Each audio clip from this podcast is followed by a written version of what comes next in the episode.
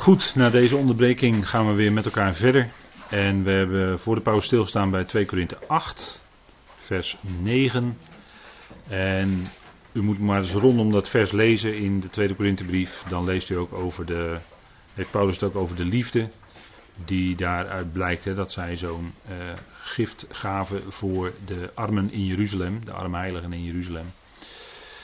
En daaruit prijst Paulus dan die Corinthiërs dat ze daarin een stuk liefde betonen hebben. En dat is natuurlijk wat blijkt uit de, wat de Heer heeft gedaan. Daarin blijkt natuurlijk ook de geweldige liefde die hem drong om dat te doen. Om arm te worden, om heel vele, heel vele, hele schepping rijk te maken. dat is eh, de liefde van de Vader die hem drong om dat eh, te kunnen doen. En dat is ook eh, ja, wat we kunnen doorgeven. Die liefde van God is in ons hart uitgegoten door de Heilige Geest. En zo kunnen we ook die liefde doorgeven. Dus daar waar we bij de ander op een of andere manier misschien een uh, tekort zien, dat we dat eventueel zou, daarbij zouden kunnen helpen. Gewoon in praktisch opzicht door iets te doen of wat dan ook. Het is wat op uw weg komt. Maar daaruit blijkt de liefde, want de liefde is altijd iets dat de ander wil geven.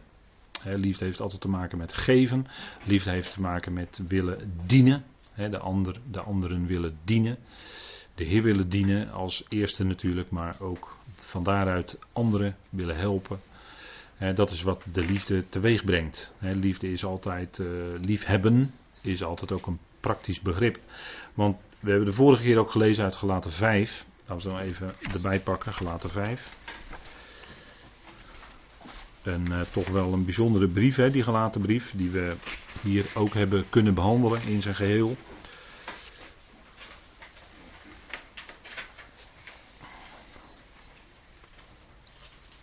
Galaten 5.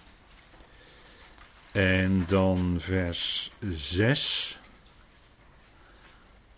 En daar zegt Paulus ook heel duidelijk en heel scherp waar het om gaat. Want in Christus Jezus is nog besnijdenis tot iets in staat, nog vooruit, maar geloof dat door liefde werkzaam is. Dus dat geloof, dat krijgt gestalte in ons leven, daadwerkelijk in de praktijk, door liefde. En het gaat niet de, eh, de zaken van het vlees aan de kant, hè, dus het gaat er niet om of je besneden bent of nog in de voorhuid. Dat speelt helemaal geen rol in Christus Jezus, helemaal niets. Maakt geen enkel verschil. Mensen die zich nu letterlijk laten besnijden, dat maakt helemaal geen enkel verschil. Je zegt er wel iets mee, maar het maakt geen enkel verschil in Christus Jezus. Of je besneden bent of niet, speelt geen rol. Maar wat wel belangrijk is, is geloof. Geloof. Geloof van het, in het woord, geloof wat in je werkt. Dat door liefde werkzaam is. Dus dat zich uit naar die ander toe. En vers 13 van Galaten 5. Want jullie werden tot vrijheid geroepen, broeders. Alleen niet de vrijheid tot aansporing voor het vlees maar dient door de liefde elkaar als slaaf. Dat is het wat, wat het bewerkt, hè? Maar dient door de liefde, dus dat is die agape, dat is die belangeloze liefde van God, hè? Die, dat is die hoge liefde van God. Door de liefde elkaar als slaaf dienen, dat is waar het, uh, waar het om gaat. En dat zie je bij Paulus, dat zie je bij een Timotheus, dat zie je bij een Epaphroditus, bij een bij, bij al die geweldige voorbeelden die in de schrift opgetekend staan. Mensen die dienden. En daar, daaruit blijkt de liefde. Dienen en dan in Filippenzen heeft Paulus daar ook wel de nodige dingen over gezegd. Dienen niet uit eigen belang, want waar gaat het om? Als jij je druk maakt, gaat het dan om jouw eigen belang of gaat het dan om het belang van Christus Jezus? Dat is hoofdstuk 2. hoofdstuk 2. Laten we dat ook even met elkaar lezen, vers 2. En daar heeft Paulus het ook weer over de liefde. En dan zegt hij dat er inderdaad enkele dingen heel fijn zijn bij de Filippenzen. Maar dan vult hij toch dat nog even aan met een opmerking. Filippenzen 2, vers 2. Hij zegt, er is wel enig dit en enig dat en dat en dat. En dan zegt hij, maak mijn vreugde compleet, doordat jullie eensgezind zijn, alsjeblieft. Dezelfde liefde hebben. Eén van ziel. dus het werkt van binnenuit, het werkt door die geest van binnenuit naar buiten in de ziel. Op één ding gezind. En dan vult hij het ook verder nog aan, heel scherp, met niets doen uit tweedracht of uit eigendunk, maar in ootmoedigheid elkaar superieur aan jezelf achten. dat is in het dienen. Het elkaar dienen. In ootmoedigheid zouden we dat doen. Elkaar superieur aan jezelf achten. Hier gaat het niet om jouw mening over het evangelie. Dat jouw mening beter is dan die van een ander over het evangelie. Daar gaat het hier niet over. Daar kun je deze tekst ook niet voor gebruiken. Maar het gaat erom om het dienen in de gemeente. Dat zouden we doen met dezelfde liefde, één van ziel, op één ding gezind en niets doen uit tweedracht of uit eigendunk. Maar in ootmoedigheid elkaar superieur aan jezelf achten. En het evangelie blijft het evangelie, het woord blijft het woord. en dat, is, uh, dat, dat moet aantoonbaar zijn. Dat moet aantoonbaar zijn. Dan kan je niet zomaar zeggen: Ik heb een andere mening. En je moet mijn mening dan superieur achter aan jouw mening. Nee, zo werkt het niet hoor. Als het gaat om het woord, als het gaat om het evangelie, dan is het het woord wat, wat boven alles staat. En dat moet dan aangetoond worden. daar gaat het om. En, en uh, dat is wat. dat is waar we zo diep van overtuigd zijn. Die waarheid van het evangelie. Dat kan niet eh, dat evangelie kun je niet veranderen. Dat evangelie, dat staat daar. Dat is het woord wat er staat. Dat valt verder niet over te twisten. En, en als anders zou misschien zou kunnen of mogen zijn of iemand, dan laat dan zien waar dat staat. Met argumenten, waar staat dat dan? Dat het anders zou kunnen zijn. En dat, uh, ja, dat is een punt. Dat is een punt. Maar we zouden verder, als het gaat om het dienen in het lichaam van Christus, in ootmoedigheid dat doen. Elkaar superieur en zelf We zijn allemaal leden op gelijk niveau. Allemaal leden van het ene lichaam, gelijk niveau. Maar het evangelie is luid en duidelijk. Dat is gewoon de waarheid. Dat evangelie wat we mogen kennen. Wat via de apostel Paulus tot ons komt.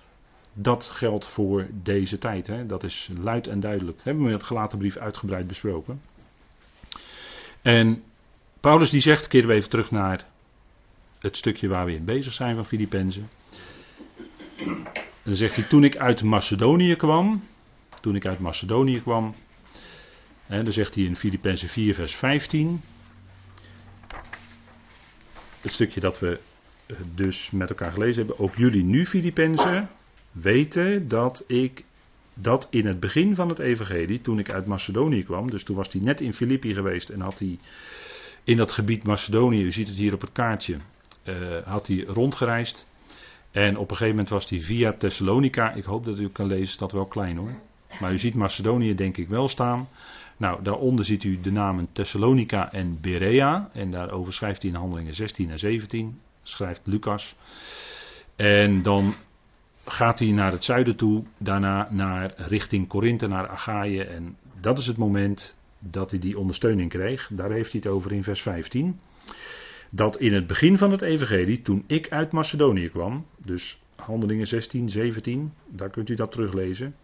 Niet één uitgeroepen gemeente met mij deelnam in rekening van uitgaven en ontvangst dan jullie alleen. Dus in handelingen 17, vers 14, om even heel specifiek te zijn, stuurde ze Paulus met begeleiding verder op weg, de weg die hij gaan moest. En ging hij verder naar Korinthe. En uh, eerst in Athene kwam die, handelingen 17. En daarna in Korinthe. Nou, toen, hebben de, toen had hij wat nodig. En de Filippenzen wisten dat. En die hebben hem toen ondersteuning, specifieke materiële ondersteuning, gestuurd. En daar komt hij nu op terug. En zij waren als enige gemeente en hij wilde geen enkele, eigenlijk was Paulus' houding, hij wilde geen enkele gemeente belasten. Dus hij deed zelf, hij voorzag in zijn eigen inkomsten door tent te maken, door handwerk te doen. Dus hij wilde geen enkele gemeente belasten met, uh, met uh, salariering of wat dan ook, helemaal niet. Hij wilde helemaal vrij. Hij wilde dan ook om niet hè, in genade dat evangelie brengen. En dat is het ook. Het is genade. En als je dat om niet kunt brengen. Dus je hoeft er geen, uh, je hoeft er geen uh, ondersteuning voor te hebben. Dan is het geweldig. Want dan is het volledig helemaal gratis voor niets. En dat is het ook. Dat is het evangelie. Het, uh, je, hoeft er, je kunt er niks voor doen voor je redding. Het is allemaal al gebeurd voor je. Het is al gedaan. Het is al volbracht. Dat zei de Heer. TT Lestai zei hij aan het kruis. Het is volbracht. En toen was het ook volbracht. Dat is een voltooide verleden tijd die hij daar uitsprak. En dat was ook een afgesloten handeling. Toen was het volbracht. En toen vader hem opwekte uit de dood. Ja, daarna is er alleen maar goed nieuws. Want dat betekent dat door zijn opwekking en levendmaking uiteindelijk iedereen levend gemaakt wordt. En dat is natuurlijk een geweldige boodschap. En dat zullen we gaan zien in de toekomst. Hè? Dat is wat we met elkaar delen. Die vreugde delen we met elkaar. En Paulus die had dus met, hè, je ziet u een balans, er was geen balansrekening. Um, hij gebruikt dat beeld wel hier, maar dat was natuurlijk eigenlijk ook niet echt bij de Filippenzen aan de orde. Een, een, formele balansrekening zoals we dat kennen bij een uh, vereniging of bij een stichting. Maar uh, dat was natuurlijk niet aan de orde. Maar uh, Paulus die gebruikte dat beeld hier eventjes. Hè. Hij gebruikte wat boekhoudkundige termen, dat wel. Maar het ging natuurlijk niet letterlijk om zo'n rekening. Ze waren heel erg betrokken bij Paulus. Ze hadden hem lief, ze hadden de boodschap lief en ze hadden ook de boodschapper lief en dat is wel bijzonder. Want dat was niet bij alle gemeentes het geval. Korinthe is duidelijk, daar, die, waren, die waren niet zo gezellig voor Paulus en de gelaten later ook niet. Die waren ook, hè, die werden afgekeerd, hè, staat er aan in de gelaten brief. Zij werden afgekeerd. Daar waren natuurlijk geestelijke machten aan de gang, die via dwaalleraren de gelaten op een ander spoor brachten, op een dwaalspoor. Ze weken af van het evangelie. Ze vermengden het met regels, met wet, met uh, allerlei religie. En dat kan niet, dan is het geen zuivere genade meer. Dus die gelaten weken af. Dat waren vijandige geestelijke machten, uh, die zaten daar uiteindelijk achter, die dat uh, wilden bewerkstelligen. En dat lukte, want Paulus was niet meer welkom bij die gemeente die hij zelf had mogen opbouwen in het Galatische land. En dat was natuurlijk een verdriet. En uh, ja, hij spreekt hier de Filippenzen aan, want dat is toch wel bijzonder, dat doet hij niet vaak. Hij zegt ook jullie nu, Filippenzen, weten. Dat is een manier van uitdrukken die je niet zo vaak tegenkomt in de schrift. En dat doet hij wel bijvoorbeeld bij de Corinthiërs. Laten we het even met elkaar opzoeken. Dat is ook zo'n aanspreking. En we hebben ook wel eens met elkaar hier overwogen dat als Paulus heel nadrukkelijk het woord broeders gebruikt, dat hij dan ook dat het dan volle ernst is. En als die dan een gemeente aanspreekt, dan is het ook ernstig hoor. Daar kunt u van overtuigd zijn. Want in 2 Korinthe 6, vers 11 lezen we dat. Daar zegt hij: Onze mond heeft zich voor u geopend, Corinthiërs. Dus daar spreekt hij ze aan met Corinthiërs. Dat is zeldzaam hoor, dat hij dat doet. Ons hart staat wijd open. Zijn hart was wijd open voor de Corinthiërs. Dat is liefde. De apostel had geen muren in zijn hart naar de Corinthiërs toe.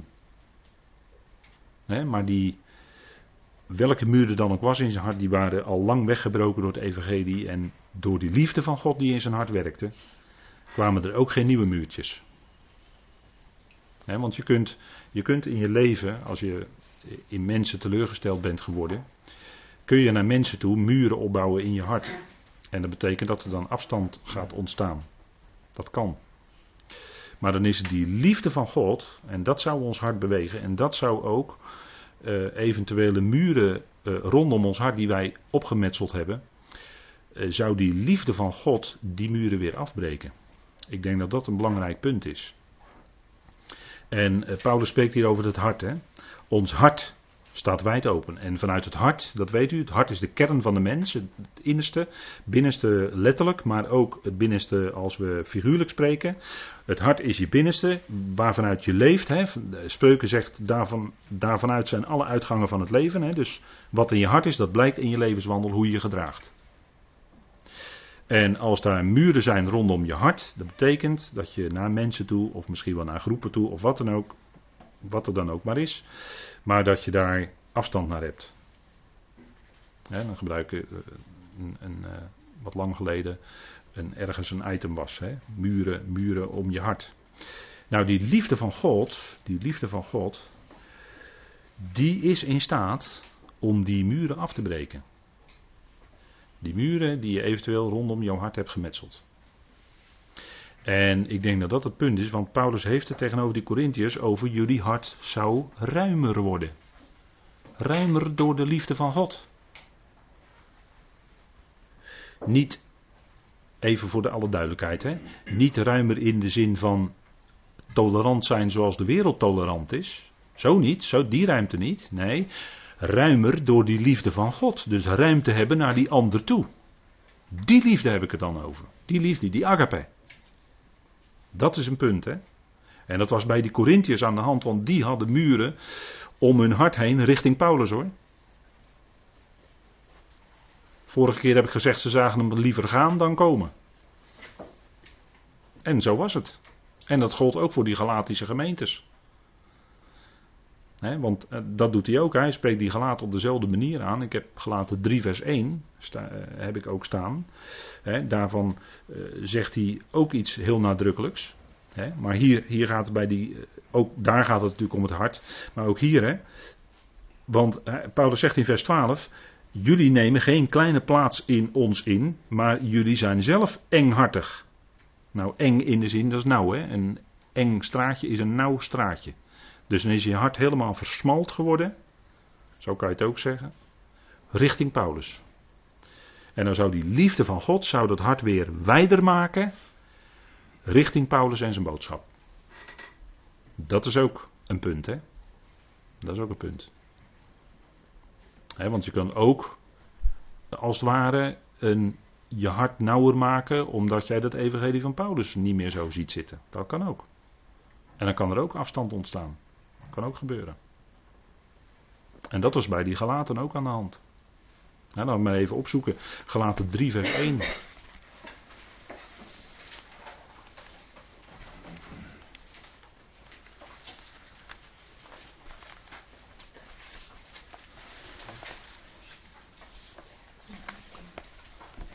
Galaten 3 vers 1.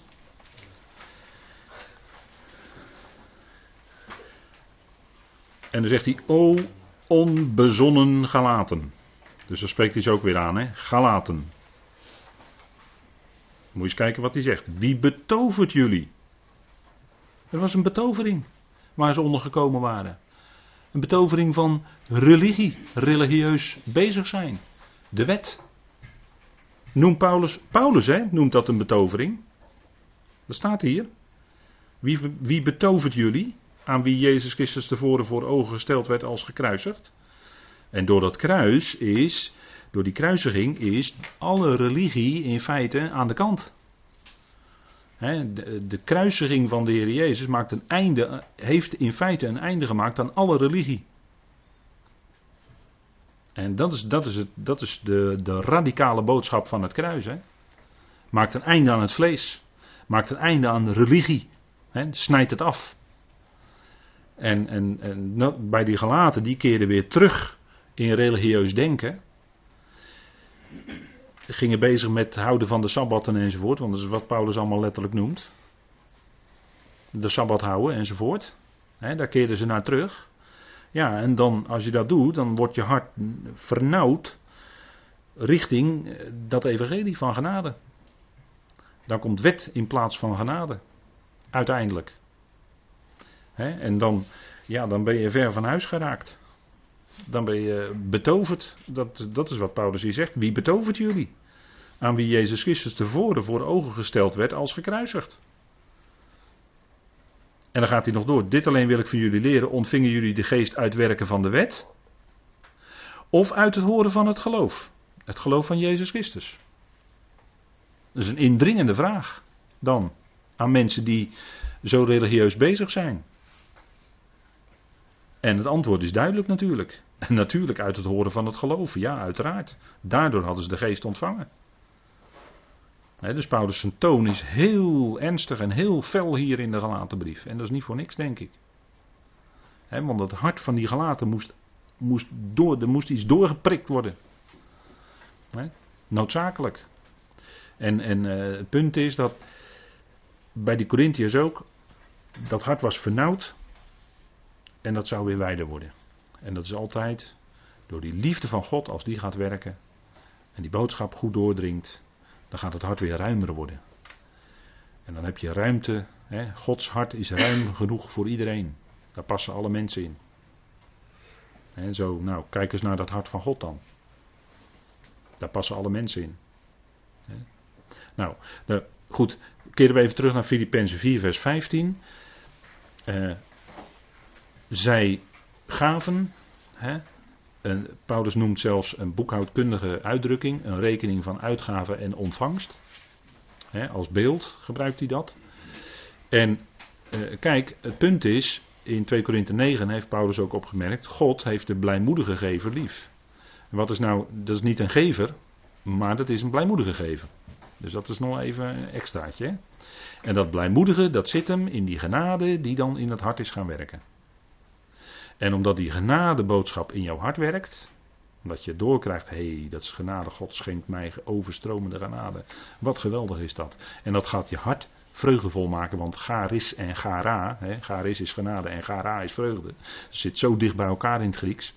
Dat, is, dat, ja, dat brengt automatisch vreugde in je hart. En als die vreugde in je hart gaat werken, dan wordt je hart ruimer. En dan word je van een hebbert, word je een gever. Dan is het niet meer de beweging zo naar je toe, maar dan is het van je af, dan word je een, iemand die geeft. Dat is wat God ook doet, hè. God geeft. God geeft zijn gaven aan ons, geeft zijn evangelie enzovoort, wat je allemaal noemen wil. Hij geeft het aan ons om niet. We hebben daar geen enkele prestatie voor hoeven leveren. En vervolgens hoeven we ook geen prestatie te leveren dat wij toch zulke geweldig, geweldig goede gelovigen zijn. Voor God, hè? Voor God. Nee, dat evangelie werkt in de gelovigen. En dat werkt van binnenuit naar buiten, vanuit het hart. Zodat die gelovige een gever wordt. Zodat die gelovige een beweging gaat krijgen van zich af. En aan de ander wil geven. Zonder er zelf beter van te worden. Zonder dat hij zegt, kijk mij eens. Zonder dat. En vult u maar in. Gewoon omdat je lief hebt, wil je geven. Zonder dat die ander dankjewel hoeft te zeggen. Zonder dat die ander een tegenprestatie moet leveren. Dat is Gods liefde. En als die in ons werkt, ja, dan word je een blijmoedige gegeven. En, en dat is wat, eh, om het zomaar mensvormig over God te spreken, dat is wat Gods hart verheugt. Als, als gelovigen, door, door de inwerking van zijn geest, blijmoedige gevers worden. gewoon omdat je bewogen wordt tot het evangelie. Daarom, dat is de enige reden. Nou, dat was ook zo bij de apostel Paulus. En daar zit natuurlijk wel een wisselwerking in, want Paulus heeft een geweldige boodschap van genade mogen brengen bij die Filippenzen. En daar waren ze blij mee geworden. God werkte in hun hart. En dat hart was, die harten waren geopend. En die genade hadden ze ontvangen. En dat had bij hun gewerkt, in hen gewerkt, zodat ze gewoon zonder dwang, zonder dat ze daartoe geforceerd werden, zonder wat dan ook, net zoals iedere tong zal beleiden dat Jezus Heer is, straks. Dat is, niet, dat is niet gedwongen, dat is niet met een hand of een voet op de nek, maar dat is dan van binnenuit de reactie op wat geweldig is dat wat die Heer voor mij gedaan heeft. En ik loof en prijs Jezus Christus als Heer. Nou, dat zal uiteindelijk iedere tong doen. Die hele schepping. En dat is ongedwongen. En zo waren ook die gaven die die Filippenzen hadden gegeven, die waren ongedwongen. Paulus had daar mogen zaaien. En natuurlijk, daar, was, daar waren plantjes ontstaan, hè? Daar, waren, er was vrucht ontstaan, er was iets naar boven gekomen. Dat had God gegeven, want God geeft ook de groei. Hè? Paulus mocht zaaien en dat het, dat het in het hart kwam, dat was ook iets wat hij gewerkt had en die groei had hij ook gewerkt. Wat dat betreft hebben we ook helemaal niets van onszelf. En dan zegt hij tegen de Corinthiërs, als wij het geestelijke zaaien, dat zegt hij in 1 Korinthe 9 vers 11, heb ik hier op de dia gezet. Als wij het geestelijke zaaien, is het dan iets groots dat wij van jullie vleeselijke goederen oogsten. Dat zou een normale reactie zijn. Niet dat Paulus erom vroeg, hij stelde alleen die vraag aan de Corinthiërs. Dat zou een normale reactie zijn op het evangelie. En dat gebeurde dan niet en was ook goed. Corinthiërs die eh, wat dat betreft ondersteunde Paulus niet, was ook goed, prima. Hij bracht het evangelie om niet en daar ging hij gewoon mee door. Dat was zijn bediening. En ik denk dat dat uh, bijzondere notities zijn, hè, hoe dat dan werkt. En dat het eigenlijk allemaal facetten zijn van die geweldige genade van God. Waar we, ja, waar we al zoveel jaren geweldig dankbaar en, en blij mee zijn. Hè, dat het iets bijzonders is wat ook dat bij ons uh, uitwerkt. Die genade van God. Daar komen we toch steeds weer op terug. Dat heeft zoveel kanten. Hè? Dat, is een, dat is een diamant. Met heel veel vlakjes. En elke keer gaat er weer een ander vlakje schitteren. Ik, ik, weet niet of u die ervaring ook heeft. Maar dat, door de loop van de jaren zie je steeds weer andere kanten van die genade. Hè? Dat, is, dat is zo geweldig. En, en dat is wat, wat die Filippenzen ook blij maakte en dankbaar. En, en zo zijn wij hier ook bij elkaar. Hè? Blij en dankbaar met dat evangelie. En mag dat dan in ons leven verder doorgaan met vrucht geven. En verder doorzetten. Hè, zodat we ons leven kunnen stellen. Ja, gewoon voor hem. Dat is denk ik uh, een logische. Ik heb eerder al Romeinen 12 aangehaald. Dat is een logische reactie op het evangelie, denk ik. Tot zover voor vanavond.